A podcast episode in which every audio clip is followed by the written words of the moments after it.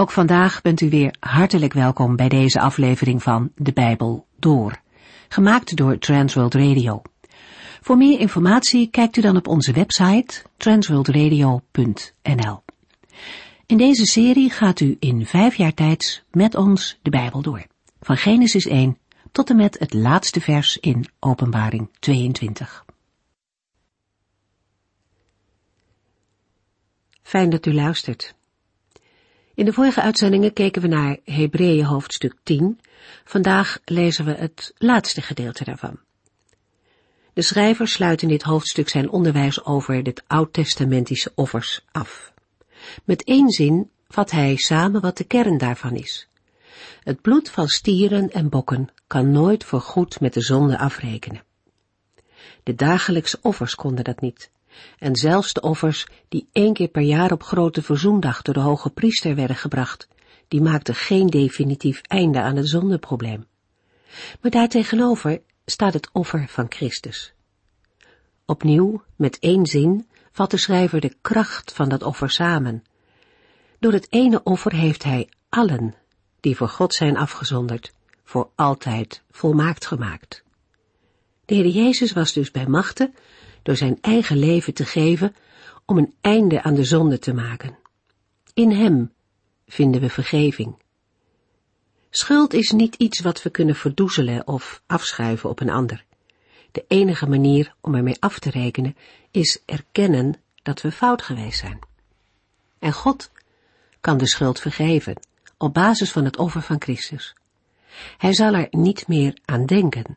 Wat vergeven is, daar heeft hij definitief mee afgerekend. Vergeven is bij God ook vergeten. Het nieuwe leven dat wij mogen beginnen na de vergeving van schuld, heeft praktische gevolgen. En daarover lezen we in de laatste hoofdstukken van Hebreeën nog meer. Gelovige mensen zijn afgezonderd voor God, om voor Hem te leven. In Hebreeën 10 zegt de schrijver een aantal keren, laten we. Allereerst, laten we daarom naar God gaan met een oprecht hart. Dus Gods kinderen mogen vrijmoedig het heiligdom binnenkomen, in het vaste vertrouwen dat God ons zal ontvangen. En laten we dat dan ook doen. Daarnaast moeten we vasthouden aan datgene wat God ons beloofd heeft. En, en dat is ook niet onbelangrijk, laten we ook op elkaar letten en elkaar aansporen, om God en de mensen lief te hebben. Een christen is niet geroepen om christen voor zichzelf te zijn, maar ook om deel te zijn van de gemeenschap. En daar sluit het laatste punt bij aan. Het is belangrijk om niet weg te blijven uit de samenkomsten, voor zover het mogelijk is om die te bezoeken. We hebben die steun van elkaar hard nodig. Op dit punt zijn we de vorige keer geëindigd. We lezen nu verder in Hebreeën 10 vanaf vers 26. De vorige uitzending zijn we geëindigd met de aansporing niet uit de samenkomsten van de gemeente van Christus weg te blijven. De schrijver van Hebreeën moest zijn lezers erop wijzen dat er onder hen sommigen waren die daar een gewoonte van maakten. Het is ook duidelijk wat daarvan gezegd moet worden, maar dat is niet goed. Als een gelovige geen christelijke samenkomsten meer bezoekt, ontzegt hij of zij zichzelf de bemoediging en hulp van andere christenen. In het licht van de naderende wederkomst van Christus zullen gelovigen met veel geestelijke strijd, tegenspoed en zelfs vervolging worden geconfronteerd. Antichristelijke krachten zullen toenemen. Toch mogen moeilijkheden of problemen nooit een excuus zijn om de christelijke erediensten te verzuimen. Integendeel, als de moeilijkheden toenemen, hebben gelovigen elkaar juist hard nodig en moeten zij juist trouw blijven in het bezoeken en deelnemen aan de christelijke erediensten. Hebreeën 10 vers 26 We hebben de waarheid leren kennen en weten dat Jezus Christus voor onze zonden gestorven is. Maar als wij willens en wetens blijven zondigen, is er geen offer meer over om onze zonden weg te doen. Het wegblijven uit de erediensten van de gemeente van Christus kan uiteindelijk leiden tot afval van het christelijk geloof. om het dreigende gevaar van afval voor iedere gelovige te doen uitkomen, zegt de schrijver ook hier wij. Het verschil tussen willens en wetens blijven zondigen en zonde uit onwetendheid komt al tot uitdrukking in het Oude Testament. In vers 26 wordt met willens en wetens zondigen niet het begaan van een of andere zonde bedoeld, maar afval, het verwerpen van het geloof. De woorden blijven zondigen geven aan dat de personen in kwestie voortdurend doorgaan met zondigen en kennelijk niet tot bekering komen.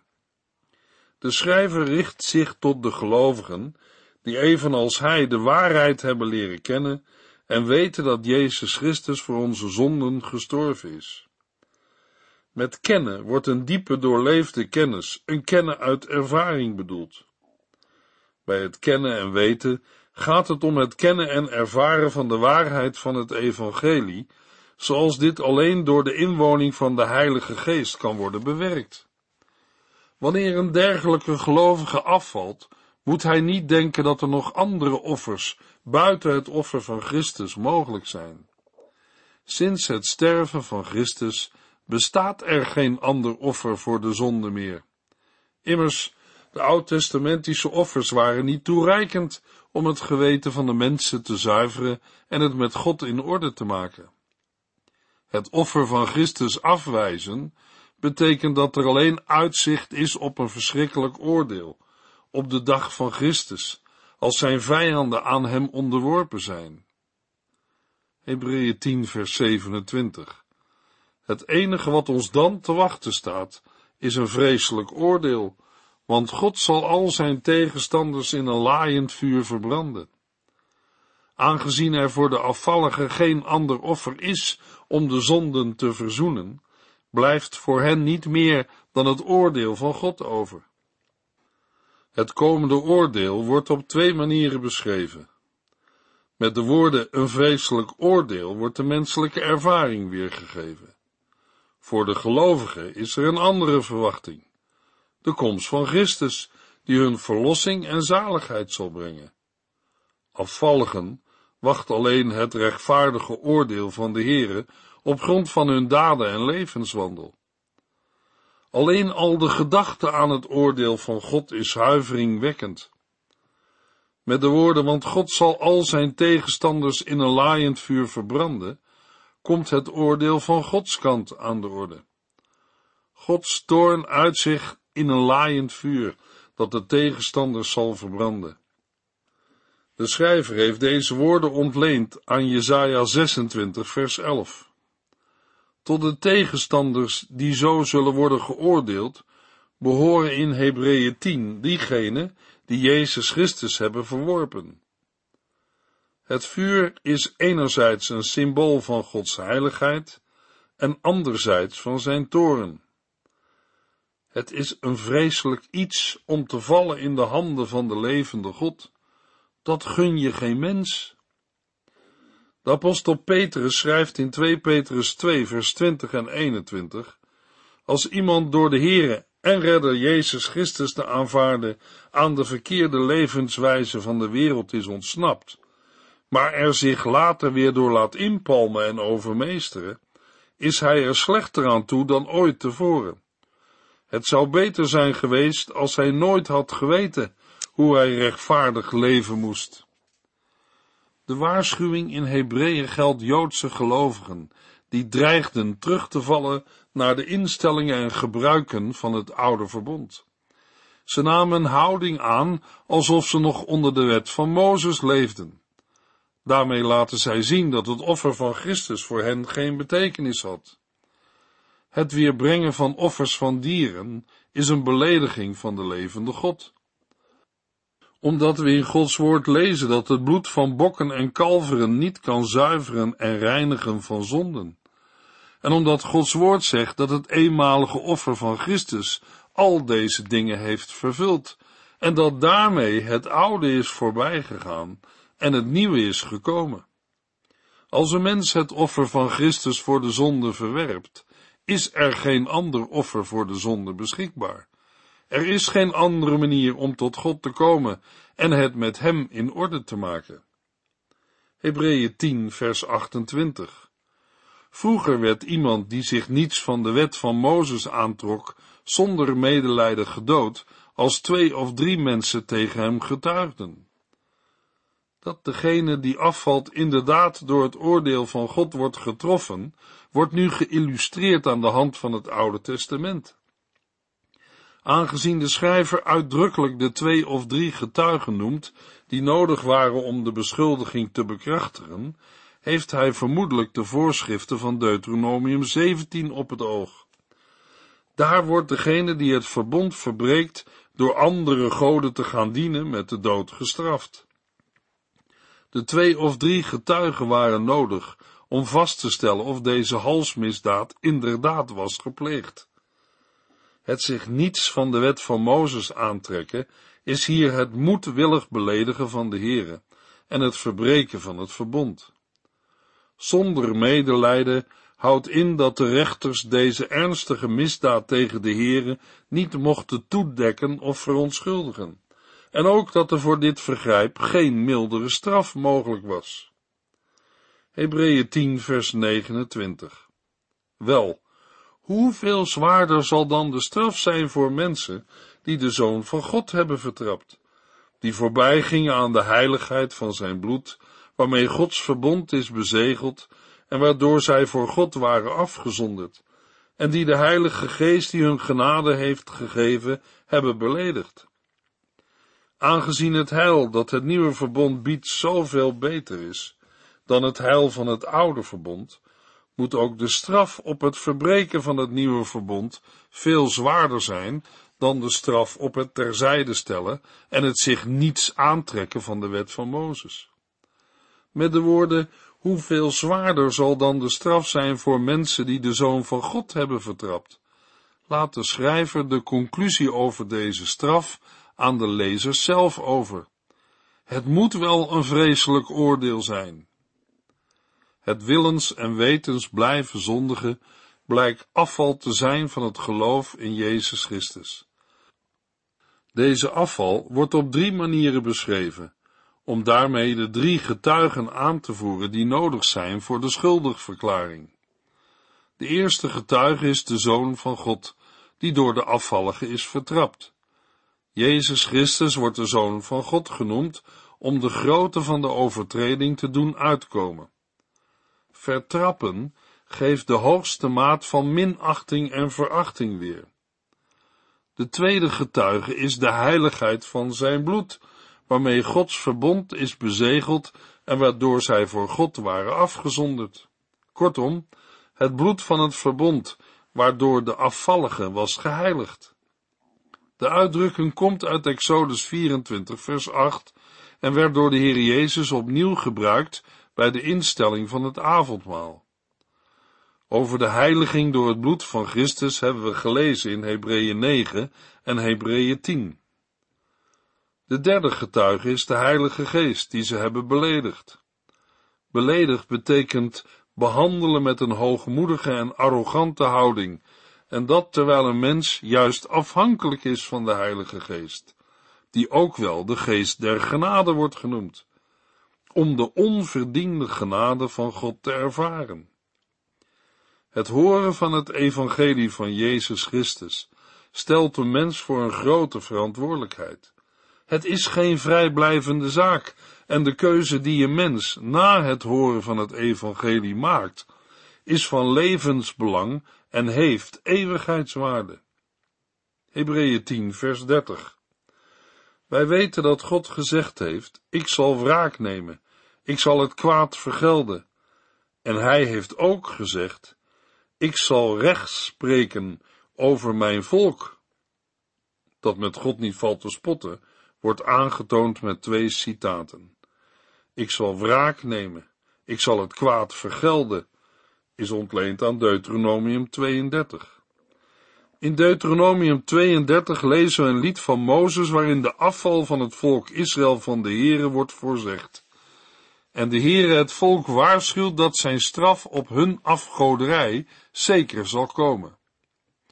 Het tweede citaat, ik zal recht spreken over mijn volk, of de Heere zal zijn volk oordelen, is eveneens afkomstig uit Deuteronomium 32. De Hebreeuwse tekst kan zowel recht verschaffen als oordelen betekenen.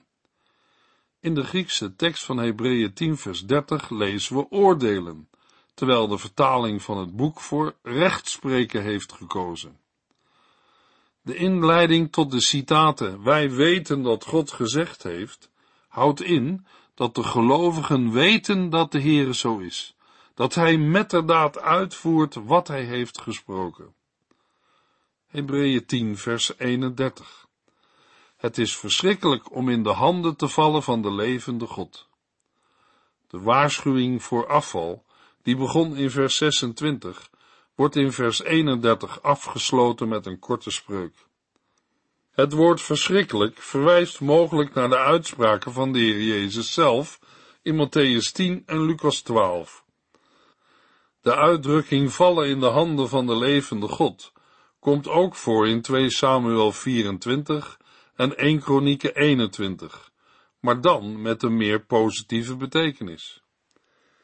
In Hebreeën 10 vers 31 gaat het om het vallen in de handen van de levende God. Dat is de God die machtig is om te doen wat hij heeft gesproken. De woorden de levende God hebben in Hebreeën steeds te maken met Gods oordeel. Vermoedelijk zijn de woorden ontleend aan Gods eed in nummer 14. Zowaar ik leef, of omdat ik leef. De hand van de Heere kan ten goede, maar ook ten kwade op mensen zijn. In Esra 7 vers 9 lezen we, zij verlieten Babel op de eerste dag van de eerste maand van koning Artaxerxes zevende regeringsjaar. Op de eerste van de vijfde maand van datzelfde jaar arriveerden zij in Jeruzalem, want God had hun een voorspoedige reis gegeven. In dit vers is de hand van de Heere ten goede over mensen. Dat wil de Heere ook vandaag nog steeds. Maar soms kan zijn hand ook zwaar zijn voor zijn kinderen. Dan wil hij dat wij tot inkeer komen of ons overtuigen dat we moeten ophouden met dingen die niet goed voor ons zijn. David zegt in Psalm 32, vers 3 en 4, Zolang ik mijn zonde niet beleed, kwijnde ik weg. Ik was de hele dag tot tranen toe bewogen. Dag en nacht voelde ik hoe u tot mijn geweten sprak. Ik schrompelde in elkaar als bij grote hitte. In een andere vertaling lezen we, uw hand drukte zwaar op mij, mijn merg verdroogde als in zomerse hitte. Wat wilde de Heere bij David bewerken? De Heere wilde dat hij zijn zonde zou beleiden, en daarom drukte Gods hand zwaar op hem. De Heere staat niet gelijk met zijn oordeel klaar. Hij wil dat een mens tot verandering komt. Maar als we ons verharden en van hem wegdwalen, dan kan de Heere dat niet met leden ogen aanzien. De Heere wil niet dat mensen verloren gaan, maar zijn reddingsboei, Jezus Christus, vastgrijpen en door hem worden gered. Maar allen die zijn redding afwijzen, wacht Gods rechtvaardige oordeel. In Psalm 75, vers 8 en 9 lezen we, God is de rechter, en in de hand van de Heere bevindt zich een beker. Daarin bruist de rijk gemengde wijn. God schenkt die beker helemaal leeg, tot op de bodem toe. Alle ongelovigen op deze aarde moeten daaruit drinken. Deze beker van Gods oordeel is er voor een ieder die de Zoon van God hebben vertrapt, die voorbij gingen aan de heiligheid van zijn bloed, waarmee Gods verbond is bezegeld, en waardoor zij voor God waren afgezonderd, en die de Heilige Geest die hun genade heeft gegeven, hebben beledigd. Het is verschrikkelijk om in de handen te vallen van de levende God. Hebreeën 10 vers 32 Vergeet nooit die heerlijke tijd, toen u Christus pas had leren kennen. Al had u het zwaar te verduren, u liet de Heere niet los. Na de ernstige waarschuwing van de vorige versen volgt nu een bemoediging. Deze bemoediging is gebaseerd op de volharding van de lezers tijdens de heerlijke tijd toen zij Christus pas hadden leren kennen. Dat waren geen gemakkelijke dagen geweest, want ze hadden toen zwaar te verduren, maar zij lieten de Heeren niet los. Deze geloofshouding wordt in vers 32 in herinnering geroepen. De woorden die heerlijke tijd wijzen op moeilijke ogenblikken uit het verleden, waarin de jonge gelovigen op de proef werden gesteld door vervolgingen die lijden met zich meebrachten. Toen u Christus pas had leren kennen, zijn woorden waarmee de inwijding in het geloof wordt omschreven. In de Griekse tekst geven de tijden van de werkwoorden aan dat de vervolgingen direct begonnen toen de lezers tot geloof kwamen. De volgende versen maken duidelijk dat de vervolgingen na enige tijd weer ophielden. Hebreeën 10 vers 33 en 34. Nu eens werd u uitgelachen en geslagen, dan weer waren anderen het slachtoffer en leefde u intens met hem mee. Als er mensen gevangen werden gezet, had u net zoveel verdriet als zij. Als uw bezittingen werden afgenomen, bleef u opgewekt. U wist dat u iets beters had, wat nooit meer kon worden afgenomen. In deze verse worden de lezers in twee groepen verdeeld, namelijk zij die daadwerkelijk door vervolgingen werden getroffen, en zij die daarvoor gespaard bleven en intens met de vervolgden meeleefden. Met uitgelachen en geslagen worden de scheldpartijen, lasteringen en valse beschuldigingen bedoeld, waardoor de gelovigen in een kwaad daglicht werden gesteld. Het Griekse woord voor gevangen worden gezet is breder dan alleen gevangenschap. Het gaat om verdrukking. We moeten dan onder andere denken aan aantasting van lijf en goederen, zoals gevangenschap, geestelingen, vernieling en in beslagname van eigendommen. De gelovigen werden publiekelijk te schande gemaakt en gestraft. Maar er was toen nog geen sprake van veroordelingen tot de wilde dieren in een arena. Degenen die voor deze vervolgingen werden bewaard, leden met hem mee. Het deelgenoot zijn met degenen die moesten lijden om het geloof, bleek uit het medelijden en meeleven met hen die werden vervolgd. Het wijst niet op een goedkoop sentiment, maar op een werkelijk delen in het lijden. Zo werden de gelovigen in gevangenschap bezocht en van voedsel en kleding voorzien. De woorden als uw bezittingen werden afgenomen, kan te maken hebben met plunderingen en vernielingen aangericht door tegenstanders van de christelijke gemeente, maar ook met officiële inbeslagname door de overheid.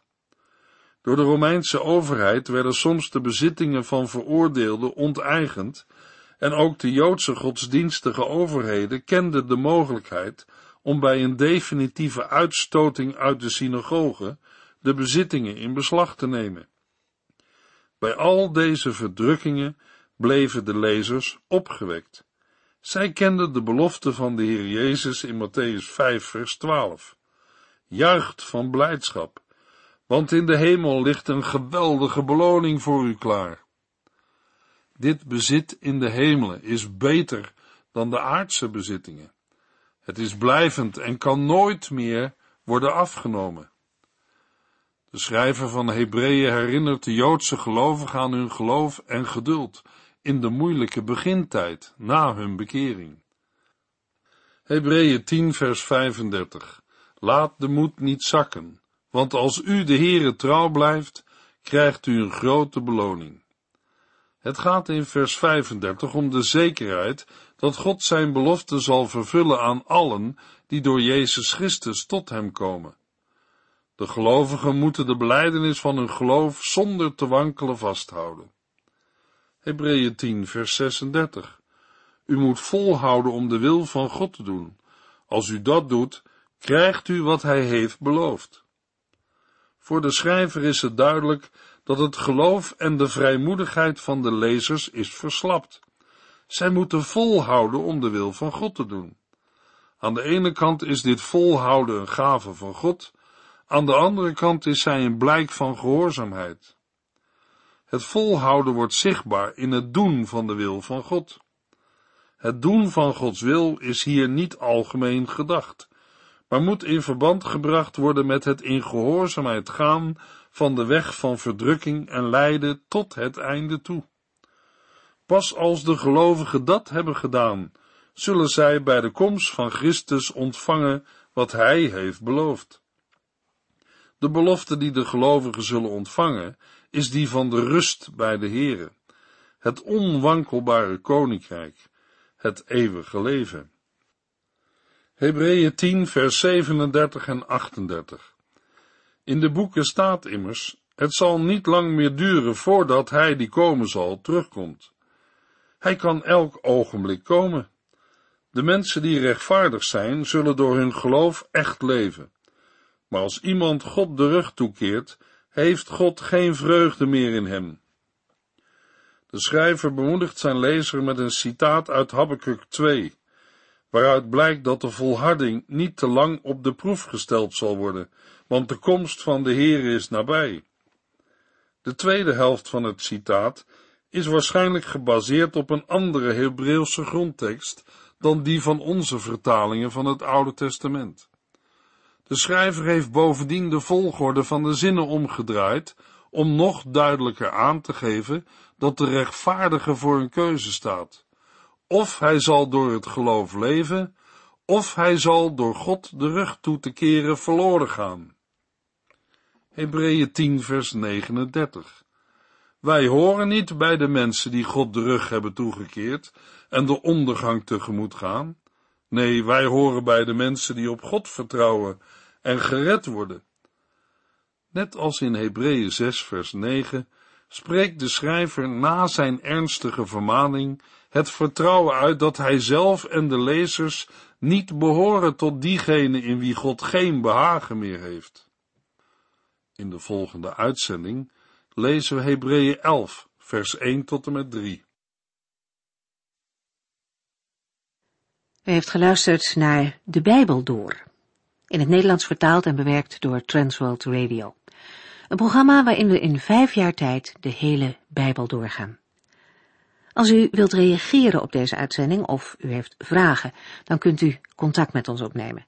Tijdens kantooruren kunt u bellen op 0342 47 8432.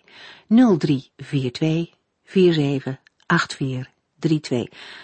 Ook kunt u een e-mail sturen naar de Bijbel door at transworldradio.nl en natuurlijk kunt u ook via de post ons bereiken. TWR, postbus 371, postcode 3770, AJ in Barneveld. Dit programma werd gepresenteerd door Cor Weda en Ike André. Techniek was in handen van Odin van Voerkom. En wij allemaal bedanken u voor het luisteren. Graag tot de volgende keer.